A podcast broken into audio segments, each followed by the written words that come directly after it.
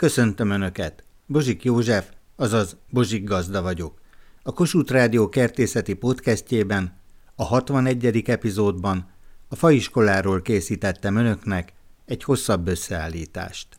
A szultán nevű magnéküli szőlő után szeretnék érdeklődni. Mi korábban a szultán szőlőt ismertük, mint magvatlant, illetőleg annak egy változatát, a Thomson Seedless-t, ami ugyanez a fajta, csak egy ovális bogyójú változata. Ennek az volt a problémája, hogy a mi klímánkon egész egyszerűen nem terem. Nem terem, mert azok a hőmérsékleti viszonyok, amik itt uralkodnak, nem felelnek meg a termesztésének. Viszont lendél Afrikában, akikkel kapcsolatom van, a csevegeszőlő termesztésben élen jár a magvatlanság. Tehát a termesztés északi határa azért korlátokat is jelent, ezt is tudni kell. És mi ott vagyunk az északi határon. Hát így van, mi az északi határon vagyunk, és itt a legnagyobb feladat, a legkomolyabb feladat az volt, hogy olyan magvatlan fajtákat tudjunk előállítani, amelyek a mi viszonyaink között is bőtermőek, vagy igen bőtermőek. Mert ha nem az, akkor az ugye üzemi termesztésben nem hozza meg a megfelelő jövedelmezőséget.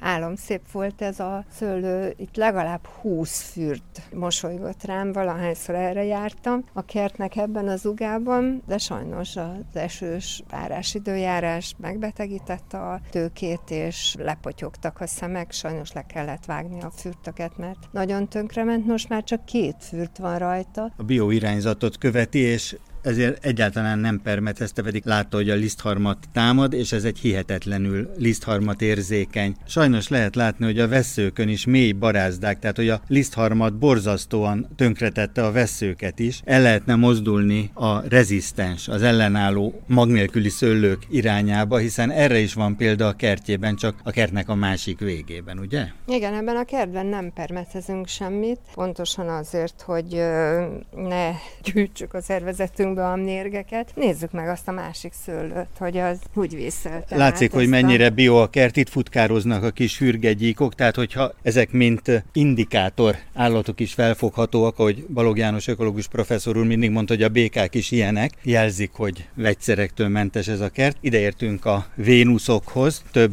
Vénusz tőke is van, és itt van, itt lapul egy kis fürt, tehát ezek még fiatal tőkék, de már megmutatkozott a termés, és hát itt jól látható azért azért összehasonlítva, hogy ugyanúgy nem permetezték mind a szultán szőlőt és a Vénusz, ugye ez egy amerikai szőlőfajta ellenálló, tulajdonképpen mag nélküli otellónak is mondják, hiszen labruszka szőlő, a Vitis labruszka az egy másik faj, az amerikai szőlőfaj szemben a Vitis vinifera, az európai szőlő. Most, hogy félrehajtottuk a nagy leveleket, előbújtak a szép fürtök, de tényleg ez is milyen óriási. És nulla permetezés mellett teljesen jól beérett és Mm, és nagyon finom édes. Szultán, Vénusz nevű újabb szőlőfajták, hogy ezeket hol lehet beszerezni. Kedves házaspár, mit szeretnének ültetni? Hát tulajdonképpen most szőlőt. És milyen szőlőt keresnek? Az unokáknak hát most szeretnénk. mag nélkülit szeretnénk venni, ha kapunk. Igen. És miért nem szereted a magvas szőlőt? Azért, mert ahogy a szám mindig összetörik a fogam alatt. És ugye akkor keserű, mert csersavas. Igen. És akkor milyen mag nélkülit szeretnél? Pirosat, sárgán? Mindegy. Kéket. Csak az a lényeg, hogy mag nélküli. Igen. És gondoltak valamire? Ismerik a mag nélküli fajtákat? Val, hallottunk, meg láttunk is, de mindegy, hogy fehér vagy piros. Mag nélküli szőlő sajnos ezek a fajták, amelyek most kaphatóak, például a szultanina, vagy a belgrádi magvatlan, Beogradska beszemena, vagy a kismis moldávszki, a moldáviai magvatlan, ezeket azért védeni kell, ezek nem rezisztensek. Én sokat permetezünk. Na most itt volt az előbb egy kedves házaspár, és mag nélküli szőlőt keresett az unokájának. Miért tudott nekik adni? Belgrádi magvatlan tudtam adni, és van egy másik fajta kék szőlőbe, a kismis moldaszki, moldovai magatlan. Ez is egy nagyon jó fajta, ő azért egy kicsit problémásabb, tehát többet kell, tehát permetezni. kell permetezni. Így van, kicsit többet kell permetezni. Tehát a belgrádi magvatlan az ellenállóbb, és a kismis moldavski talán érzékenyebb. Igen, egy kicsit azt vettem ki az írásból, hogy arra egy kicsit jobban oda kell figyelni. Hát van, aki esetleg a magvatlansága miatt, de rengeteg olyan szőlő van, amiben nem is zavaró a mag, még ha van is benne mag, olyan picike a mag, hogy szinte eltűnik. Krasznai László, és itt van egy kedves hölgy, aki szeretne valamit vásárolni. Keresnék egy olyan nagyon jó finom szilvafajtát. Hallgassuk meg ezt a tanítást archív felvételről. Mert kaptam egy ládányit a nyáron, és olyan isteni szilvalekvát csináltam belőle, meg szilvás gombócot, hogy arra lenne szükségem, de a nevét nem igazán tudom. Az fontos lenne számomra, hogy körülbelül behatároljam, hogy mikor érésű volt, tehát hogy milyen fajta lehetett. Mikor kapta azt a láda szilvát? Ez egy jó kérdés. Szeptember Igen, valószínű akkor a Stanley nevezetű... Azaz, bejött, bejött, ez az. Mondjuk ízvilágban nem közelíti meg egy Besztercei vagy egy Debreceni muskotáj ízét, de viszont teljesen strapabíró, minden évbe számíthatunk rá, minden évbe terem. Ezt azért tudni kell, ez egy ipari szilva. Tehát egy mindenre használható amerikai fajta, tényleg kiváló. Nem tudok rá semmi rosszat mondani, jól tűri a vírust is, nem szórja le a gyümölcsét, mint egy Besztercei szilva fogja magát, és négy-öt éves korában leesik a fáról fél éretten, és nem lehet főszedni, még pálinkának se. Amúgy egy csodálatos ízvilág. És az unonkák, hát azok habzsolták, habzsolták az egyévestől kezdve. Annyira bejött nekik, hogy szinte alig tudtam megvárt eltenni, úgyhogy én mondom, ezt ti fogjátok bánni gyerekek, meg karácsonykor nem kaptok belőle. Menjünk akkor el a Stanleyhez, és hogyan válasszunk egyáltalán? Mit javasol, hogy mire kell figyelni a faiskolában ilyen választásnál, szabad gyökerű gyümölcsfoltványok esetén? Leges legfontosabb, hogy a gyökere milyen. Rengeteg gyökér az csak úgy pumpálja bele a tápanyagot, meg mindent az új hajtásokba. Tehát ez egy nagyon fontos dolog, hogy először ránézek, akkor megnézem azt, hogy így kívülről hogy néz ki, de igazán amit rejt, az a föld alatt van, az a fontos a gyümölcsfa választásánál. Itt vannak a Stanley, suhángok, tehát nincs elágazás, nem koronásak, de ez nem baj, mert így legalább a törzsmagasságot is mi magunk meg tudjuk határozni. Így van, valóban, amelyik elágazós, ott már sokkal többet kell vágni, mint egy ilyen idézőjelben mondott pecabotnál, mert itt én határozom meg. Mindig azt kell szem előtt tartani, hogy ki mekkora törzset akar, mert mindenhol változik. Van, aki alatt a kapagépez, van, aki alatt a járká, kocsi bejáró mellé teszi. Fűnyíró. Fű, mindenféle variációk vannak, miután elütettem. Mekkora törzset akar, és akkor, amikor készen van a törzs magasság, akkor még plusz 50 centit rászámolok, és ott vágom el. Ez nagyon sokat jelent, és még valamit kérdeznék, hogy mi a magasra nő, mennyire lombosodik. Határozott nagy széthajló koronát nevelő fajta. Talán azért érdekes, mert tényleg ez is, ha közelültetjük a szomszédhoz, fele ága. De nekem az- pont az kell, mert a a, gy- szomszédnak szeretni? mert a gyerekeim a szomszédban Ja, laknak, hát jó. és ami átlóg, az nekem untig elég. Fontos tanítás, hogy ahogy kihúzta a fát, nagyon szépek a gyökerei, tehát ugye nézni kell a lábát, ugye? Leges legfontosabb a lába egy növénynek, soha ne a tetejét nézze senki, a teteje az lehet ilyen, olyan, amolyan, a lába a legfontosabb. Mekkora gyökérzete van, milyen hajszálgyökér veszi körül. És hogyan ültessük majd el? Ültetéskor bármennyire is furcsa most és rengeteg talajba most a víz, akkor is be kell iszapolni. Kiásom a gödröt, teszek a gödör aljába szerves trágyát, arra földet teszek rá, és De akkor egy ugye a 40 gyökereket vissza kell vágni. Tehát a vastag gyökerek végéből annyit visszavágok, hogy tejfehérek legyenek. A metsz felület tejfehér. Ha már egy kicsit barnásabb, addig vágom. Lehet, hogy ez egy fél centi, lehet, hogy egy centi törött gyökereket levágni róla, és amikor betapostam, akkor 50 liter vizet oda kell neki adni, hogy az összes gyökér közé befolyjon az iszap, mert ha föld veszi körbe a gyökerét, nem fagy meg érdekes módon, ha a levegőben van, megfagy a gyökér. Na most itt van a szemzéshely, ugye lehet látni a törés Mhm. mutatót, hogy idáig az alany, utána jön a nemes, milyen mélyre ültessük. Van, aki ugye egy kicsit túlzásba esik, fogja aztán elülteti fél méterre mélyebbre a kelleténél. Nem szabad. Úgy kell elképzelni, hogy valahol beszemezték. Az a szemzés az a föld fölött szemződött, tehát az eleve a föld fölött volt. Ennek a szemzésnek tulajdonképpen nem kellene a föld alá kerülni. Na most azt nem mondom, mert azért úgy milliméterre nem nézegeti az ember, de hogyha egy kicsit egy fél centivel följebb kerül a föld, az nem gond. De ne az legyen, hogy fél méterre, de az se legyen, hogy a gyökerek kint vannak. Úgy mondjuk mindig a csomóig, Érdeklődni szeretnék, hogy lehet-e még fát ültetni, gyümölcsfára gondolok,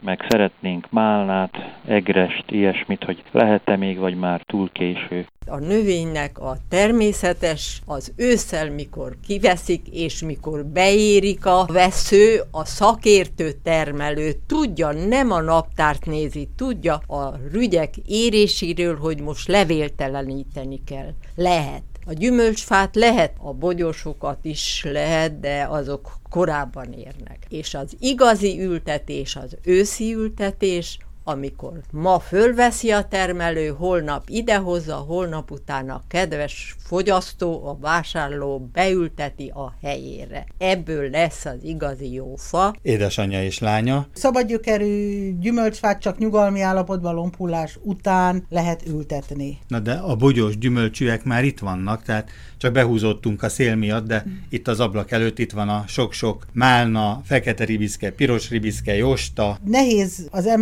internet elhinni, hogy amikor hideg, rossz idő van, Várod Éva, faiskolás. akkor is lehet fát ültetni, illetve tulajdonképpen szabadgyökerűt csak akkor lehet. És pont ezért ez nem érdem, hanem állapot, hogy 30 évet csinálom ezt a szakmát, és akkor még a forgalomnak a zöme szabadgyökerű, akár a diszcserjék, de hát a gyümölcsfák azok 100%-ba. Most viszont már a konténeresek, konténeres fák azok átveszik szép lassan, de biztosan a szabadgyökerűeknek a helyét, mert ugye azt akármikor ültetheti, arról látja, hogy mit ültet, ilyen előnevelt, amit tavasszal szoktunk árusítani, 4-5 éves fák, azon már virágtermés is van. A kollégák is készülnek már, nem egy kollégát ismerek, aki már nem adja el az összes szabadgyökerű készletét, hanem ő saját maga bekonténerezi, és konténeresként értékesíti, és akkor nem az lesz, hogy azt rakjuk be tavasszal, ami megmarad a lerakatba, tehát ami nem fogyott el szabadgyökerűként, hanem mindjárt ősszel külön saját konténerezésre kiválogatják, kiváló minőségű konténeres fákat lehet már most is kapni, de a tendencia az, hogy hát azt mondanám, hogy 99 százalék, mert talán az egyszem fagyal az, amit még elvétve forgalmaznak szabadgyökérrel, diszcserét, mást már nem. Itt látom a rózsákat, és itt tényleg ez a legjobb szerintem, ez a konténeres változat, mert látjuk a habitusát, és a színét. Illatát. Ugye, valaki piros rózsát szeretne venni, abból van 12 féle árnyalat, de lehet, hogy 15 féle, és nincs időhöz kötve. Tehát, egy, tehát a fagyokig, amíg le nem viszi, amíg addig le lehet nem viszi, látni. addig lehet látni. És hát eh, ahogy elnézem ezt az őszt, azt az elméletet támasztja alá, ami, ami nem is elmélet, inkább gyakorlat, hogy a, az őszi szezonnak a jelentősége az folyamatosan, szépen lassan csökken, és a, a vásárlási szándék az tevődik át tavaszra, illetve nyárra. Kertészeti árudákba, tehát meglátja, megszereti, megveszi. Magoncdió, oltványdió. Óriási különbség van a kettő között. Miután a 60-as évekig gyakorlatilag nem tudták szemzéssel, oltással szaporítani, ezért volt egy népi nemesítési mozgalom. Mindenki a csóka vetette diót is, ahogy Szent Iványi Péter professzor úr tanította, nagy becsben tartotta. A Csizmadia család a 18. kerületben is megjárta ezt az utat. Kezdetben volt a magoncdió, de aztán vettek oltványdiót is. Gábor, hány éves ez a csodálatos faj, és milyen fajta mit van az udvarban? Körülbelül 30-35 éves, és nem az unokáimnak ültettem, hanem magunknak. Milótai fajta, pontosan nem tudom, hogy hányas. Milotai tízes, az ment Milot- abban az évben, ahogy Milot- említi, hogy 30 évvel, 35 évvel ezelőtt. És mindenkinek ajánlom, hogy ha diót akar ültetni, akkor nem magoncból, hanem vegye meg, mert sok bosszúságtól megkiméli magát. Nagyon könnyen pucolható. Ellentét... Törjünk meg egyet, milyen nehezen törhető vagy könnyen. Kettőt a kezébe vesz, és kézzel megtöri. Gyönyörű a belső, és a héj és mag arány nagyon fontos. Hát Szent Iványi Péternek köszönhetjük ezt, mert Milotán kiválasztotta ezt a tízes fát. Hát a Milotai dió az maga fogalom volt, hiszen Párizsban nagy aranyérmet nyert ez már korábban, tehát egy csodálatos fajta körről van szó, aminek az egyik fajtáját szelektálták, és tulajdonképpen így kapott állami minősítést, és akkor így tudta ön is megvenni, mint oltványdió. Igen, és feltétlenül ajánlom, mert könnyű megpucolni például. Bőtermő. A régi diónk, amit ki kellett vágni, mert egy este hárman tíz dekát tudtunk megpucolni belőle. Ezt meg kézzel lehet törni és pucolni, és mondjuk nem az az abszolút papírhéjú dió, de viszont nagyon jó a héj bélaránya, és pucolni pedig tényleg kézzel. Igen, én is most egy kézzel meg tudtam pucolni, mert a másikban tartom a készüléket. Emőkéhez fordulok, csontritkulás ellenszere, nagyon magas a kálcium tartalma a diónak. Igen, ezt én is tudom, és igazából nagyon ajánlott az asztalra kis tányérkába pucoldiót kitenni, és jövet menne szemezgetni belőle, mert a csontitkulást nagy mértékben hátráltatja, gátolja, tehát a csontszerkezetbe beépül közvetlenül, és ezáltal nagyon hasznos. A dió a világ több táján őshonos, de rendkívül eltérő tulajdonságú diófák élnek Kínában, Iránban, Franciaországban, az Egyesült Államokban, vagy éppen Közép-Kelet-Európában. Ez utóbbi a kárpáti fajtakör, amely bírja a téli nagy hidegeket, és még Szervác Pongrác Bonifác támadását is, tehát a májusi fagyokat is átvészeli, mert késői kihajtású. Dr. Szentiványi Péter világhírű magyar nemesítő kutatta fel a híres milotai diófák közül azt a példányt, amelyet milotai tízesnek nevezett el, amely később az 1970-es Müncheni világkiállításon aranyérmet nyert. Szentiványi tanár úr mindig azt mondja, hogy a dió nagyon szereti a vizet. Én úgy szoktam fogalmazni, hát ha akkor megmarad, hogy a dió nem vízinövény, de majdnem. Hallgassuk meg ezt a tanítást archív felvételről. Nagyon levegőigényes a diónak a gyökere. Mert hogy a nép nem úgy fogalmaz, mint ők a bölcsebbek, azt mondják, hogy vízkísérő növény a diófa. Tehát Szatmárban, a Tisza felső folyásánál. Valóban ott van a Tisza parton, a természetes úton terjed, elnyomja növekedésbe a nyárfát. Úgy tud nőni. Alá sorul a nyárfa. Ilyeneket én is megfigyeltem többet, viszont a felső szabályozatlan Tisza, tehát a felső folyás, ott azért marad meg a nagy levegő, mert hogy ott nincs telítve tartósan vízzel a talaj, ott megvan a levegő is. Nyolc napnál tovább kiönthet a Tisza gyakranként, de nincs kint tovább soha nyolc napnál. Azért, és nyolc napot kibír. És nyolc napot kibír. És ezért van az, hogyha ugyanezt akarják megcsinálni a Tiszával Szolnok vidékén, hát akkor három-négy év múlva kiöli a fákat a víz. Mert oda kimegy, a talaj minőségbe is jelentős a különbség. Ha a Szolnok menti árterületbe kilép a Tisza, utána visszamegy, utána egy hónapig ott possad a víz az árkokba, a gödrökbe, finom semséket rak le. A finom szemségnek a vízáteresztő képessége sokkal kisebb. Felső folyásnál nem találunk posadó vizet a tócsákban, azok szépen visszavonulnak a talajon keresztül. Ez a nagy különbség. Ezért jó ez a szöveg, hogy vízkísérő növény, de a felső folyásoknál. A milotai diót egyébként már a 30-as években a Wall Street tőzsdepalotáiban jegyezték. Nem is véletlenül, hiszen a dió teljes értékű táplálék szénhidrátot, fehérjét és zsírt egyaránt tartalmaz. Igazi beltartalmi különlegessége az omega-3 zsírsav, amely nélkülözhetetlen az emberi szervezet számára, de ennek előállítására nem vagyunk képesek, csak ha bevisszük a diót a szervezetünkbe. Újabb kutatások szerint napi 50 g dió nagy mértékben csökkenti a szívbetegségek kialakulását. Hihetetlenül magas egyébként a kálcium tartalma is, amely a csontritkulás elleni küzdelemben nyújthatna különleges segítséget, hiszen a kálciumot éppen szerves kötésben tartalmazza. Az 50-es években többet tettünk, mint az EU25. Akkor az évi termelés 25 ezer tonna volt, a mostani pedig 3-4 ezer tonna. 6 millió diófa volt Magyarországon a táplálkozás életleni dologba a terítetlen zsírsavak azok a koleszterinvel kapcsolatban. Aztán nincs még elterjedve, ugye a fiúknál ezt a prostata ügyet segíti jobban, mint a tökmag. Egyébként ezt tapasztalatból is én tudom. Akkor ez egy nagyon fontos dolog, és nincs benne a köztudatban. Mondom, nem tudják, hogy ez működik, hasonlóan működik, tehát még ezek a dolgai is vannak a diónak. Marika nénit úgy hívják Óbudán, hogy a diós néni, mert nem csak a kertjében vannak diófák, hanem az utcán is. A legjobb diófa azonban hátul van. Nagyon jó fajta. És mitől jobb fajta ez, mint a másik kettő? Nagyon jó ízű dió. Tehát az ízében igen, jobb. Igen, nagyon jó ízű, de tényleg nem kokacos. De jó vizes lesz. Igen. Hogy kéne megszárítani? Szét kell teríteni. Lehetőleg padláson, akár teraszon is egy asztalon papírt alá tenni, szívja be a papír. Ilyenkor nem érdemes megtörni, mikor nem, vizes. Nem, nem, nem, nem, nem. Hagyni kell, hogy száradjon ki. De ha zsákba tesszük, akkor pennészes Ajaj, hm, azt nem szabad. Aztán ugye a másik gond, hogy megavasodik, olyan kesernyi és furcsa íze lesz. Avasodás ellen van, aki a mélyhűtőbe teszi, mikor megtöri. Én soha nem. Megtisztítom, és megteszem üvegbe, lezárom, vagy csavarossal, vagy celofánnal, és két évig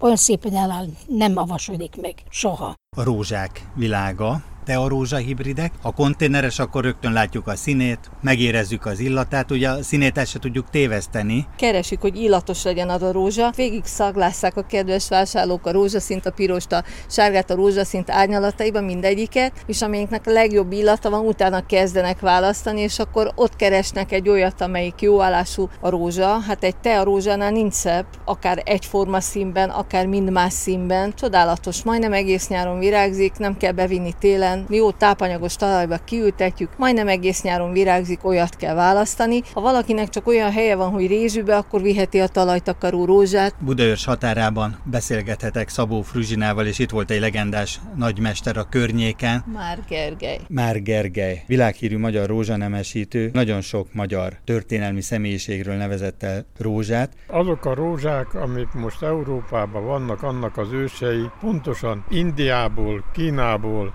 Törökországon keresztül származtak ide, és ebből nemesítették az európai nemesítők a mai modern rózsákat. Mondják, hogy egyben a szerelem virágja is, hiszen ha valaki kedveskedni akar valakinek, például egy hölgynek, semmivel sem tud annyira kedveskedni, mint egy csokó rózsával. Te a hibrid rózsák, polianták és mások, végül is ezek modern rózsák, a régi rózsákat nem így kell elképzelnünk. Körülbelül ezek a fajta csoportok egy olyan 150 éves múltra tekintenek vissza. És korábban milyen rózsák voltak? Vadrózsák, amelyek szépen mutattak, mint például a róza centifólia, amiből nagy tömeget állítottak elő és használták föl már a szírmait a rózsaolaj készítésére, azok domináltak.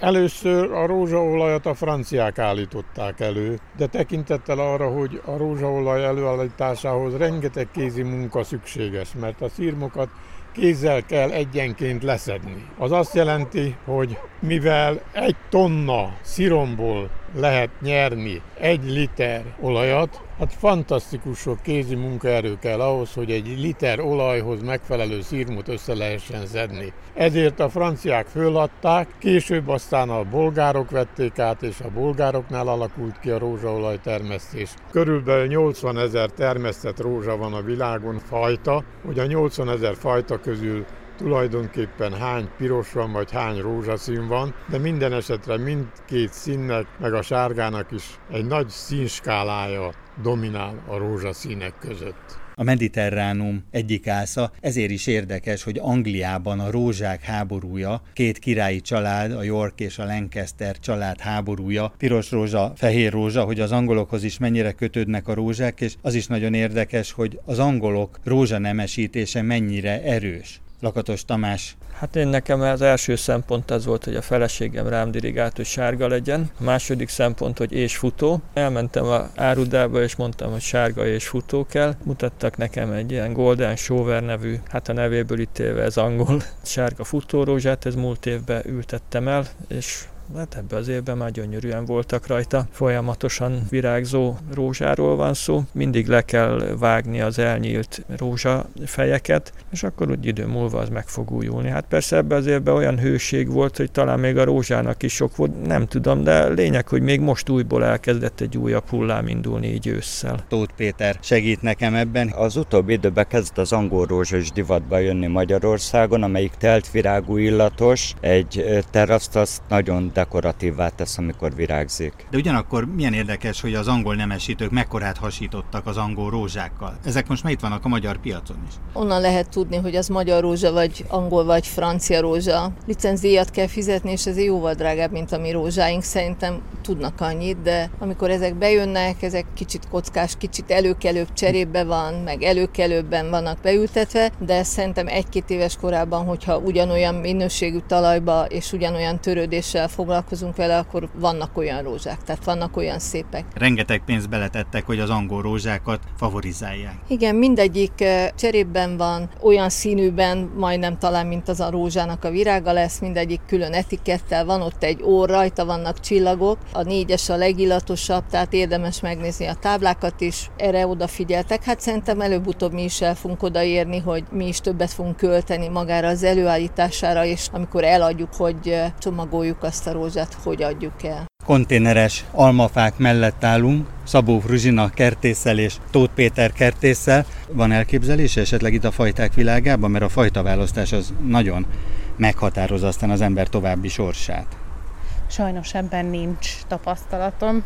Én inkább az ízre megyek.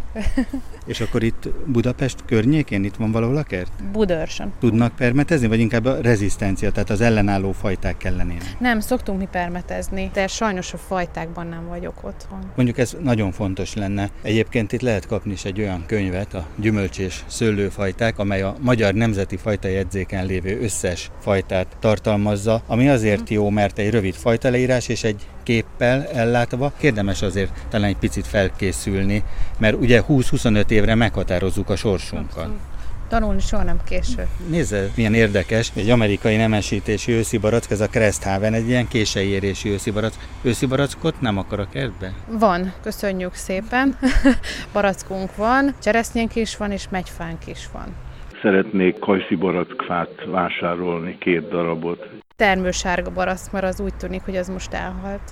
És milyen sárga barackra gondolt? Nem tudom sajnos megmondani ezt sem. Ajánlhatok egy Igen. fajtát, mert érdekes a sárga baracnál az öntermékeny, tehát az a nagyon fontos tulajdonság, hogy egy fa rendszeresen és bőven terem, mert a saját virágporával megtermékenyíti önmagát. Uh-huh. Például a Gönci magyar kajszi egy magyar ász, csodálatos fajta, és Mádi Rezső híres fajta kutatónak a felesége mondta pedig ők, hogy 10-15 féle fajtát termesztettek, hogy az emberek legjobban a magyar kajszit szeretik, tehát általában az emberek lelkében az van, meg tradicionálisan azt ismerik, tehát ez egy nagyon jó fajta, hogyha egy fára van hely, akkor egy fa rendszeresen és bőven terem. Igen, abszolút. Erre lenne is igényünk szerintem. De majd mindjárt megkérdezzük itt a kedves kollégákat, hogy a Gönci Magyar Kajszit ajánlottam a hölgynek, hogy ez jó ajánlás? Nem egy óriási szemű, ez az igazi, nagyon-nagyon jó ízű dzsemnek és lekvárnak való, és nagyon finom étkezésre is. Azért is ajánlottam, mert öntermékeny, hogy egy fára van hely, akkor ez rendszeresen és bőven terem. Igen, ez nagyon fontos, hogyha valaki nem tud több fát elhelyezni, akkor olyat kell választani, amelyik egyedül is meg tudja oldani, hogy teremni fog. Nagyon bosszantó, hogyha az ember a fajta választásnál ugye áldozatul esik a fajta keveredésnek. Ez nem rossz indulat, hanem a nagyszámok törvény alapján sajnos ott van a tévedés lehetősége. Tehát az véletlen nem becsapás, de előfordulhat, és ez rosszul esik az embernek, amikor egy olyan fajtát telepít, amit nem szeret. Mindenki szeretné, hogy minél előbb termő gyümölcsfája legyen, és ezt a konténeres gyümölcsfa biztosítja. Például itt a fügék birodalma, kis cserepekben, konténerekben már látszik is, hogy hozzák a fügéket, a különböző fügefajták. Hát itt a budai részen a törökök behozták a fügét, és azóta nagyon elterjedt népszerű gyümölcs lett, vannak különböző fajták belőle, a télállóságával van egyedül gond, kiskorába takarni kell a töveket, idősebb korban takarás nélkül is nagyon szépen áttelelnek, és nagyon nagy mennyiségű gyümölcsöt adnak. Áfonyát hogyan lehet tenyészteni, milyen körülmények között? Mivel ebben a témában teljesen ismeretlen, tájékozatlan vagyok, ha megtenné, hogy a Hajnaltáj című műsorban erről egy néhány szóban kaphatnék tájékoztatást. Nagyon sok hallgatónk szereti az áfonyát. Szabó Fruzsinával áfonya tövek között állunk. Az egyik a Blue Crop, a másik pedig a Blue Ray, tehát ez a két kerti áfonya, vagy más szóval fekete áfonya. Az áfonya különleges talaj, tehát egy nagyon-nagyon savanyú talajt kíván. Magyarországon nagyon kevés helyen van ilyen talaj, tehát itt egy olyan földcserét kell létrehozni, hogy kedvező legyen neki a pH, tehát a kémhatás, ami azt jelenti, hogy a 4-4 és felest kell létrehozni. Igen, de arra oda kell figyelni, hogy jó szerkezetű az a talaja legyen, hogyha ezt a savanyú talajú tőzeget megveszük az árudákba, kérjük speciális földet, fogjuk mondani, hogy mihez, akkor biztos, hogy olyat is fognak ajánlani. Azt is tudjuk az áfonyáról, hogy magasan van a gyökérzete, tehát érdemes fakéreggel egy másfél-két centire letakarni. Fenyővel? Fenyőkéreggel, igen, ezt is lehet kapni. Ez több okból jó, nem szárad ki olyan hamar a talaj, és a gaz nem jön ki, és nagyon szép, esztétikus, tartja a nedvességet jókora nagy, szinte dézsával nem is cserépben árusítják, mert hogy már ez is eleve savanyú talaj. Azért nő ilyen szépen, mert látszik, hogy 60-80 cm-es a hajtás növekedése. Igen, az árudákban, amíg tartjuk a növényeket, addig nincs gond, csak utána, amikor kiültetjük és a gyökerek kimennek, akkor is fontos, hogy jó talajt kapjon, tehát ami neki megfelelő, a növénynek megfelelő, olyanban legyen, akkor lesz továbbra is szép a fejlődése. A konténeres növényeknek az ültetési ideje nem korlátozódik néhány hétre, egész ármádia szőlőoltvány van itt, amely szintén konténeres, ugyanúgy, mint ahogy az áfonya. Nagyon jó, hogy már a vevők is tudják azt, hogy nem csak tavasszal vagy össze lehet ültetni, hanem nyáron is, a legnagyobb melegben is, ugyanis a növény nem érzi meg azt, hogy most itt van nálunk, vagy pedig valaki kiülteti a kertjébe, mert a nejlont vagy a konténert le kell venni a földjéről, és megfelelő talajjavítással el kell ültetni a növényt, és nem síni meg az átültetést. Előnye, hogy százszázalékos az eredése, és biztos, hogy sokkal előbb terem. Például ez a szőlőoltvány, ez két éves, ezeken mindegyiken volt már nyáron termés. Nagyon sokan keresik a fügét, szeretik a mediterrán hangulatot. Igen, idén jó éve volt a fügének. Sajnos, hogyha valaki nem locsolta, akkor kicsi volt a termése, mivel hogy nem tudott megnőni. Tehát sok volt rajta, de apró. Aki mondjuk több évszázadra előre gondolkodik, akkor a páfrányfenyőt, amely a fiatalság elixírjét tartalmazza, ilyet is ültethet, hiszen ezek bizony több száz évig elélnek vannak fiúk és lányok, ezek is olyan kétlaki növények, mint a kivi, ami szintén a hallgatók kedvencei. Nagyon-nagyon jó a gingó bilóba, a páfrányfenyő, mert nagyon-nagyon szép a formája a fának is, nagyon szépen színesedik ilyenkor ősszel a lombja, és nagyon igénytelen. Én például láttam Dézsákban több éven keresztül nagyon-nagyon jól kibírták azt a nagyon rossz levegőt, olyan szépen fejlődtek. A kivi gigantikus kivitövek mellett állunk. Egy ilyen 60 literes konténerbe bele van ültetve a fiú meg a lány, tehát itt ez már nyáron termett is. Lehet kapni külön a porzsost is, meg külön a másikat is, külön növényen, tehát külön konténerben. Kedves hallgatóink, van egy éjjel-nappal működő üzenetrögzítő, ezen várom az önök kertészeti kérdéseit, amelyek alapján készítem el az újabb összeállításokat. A telefonszám a következő 061 328 73 00. Várom Önöket egy újabb epizóddal a Bozsik Gazda Podcastben.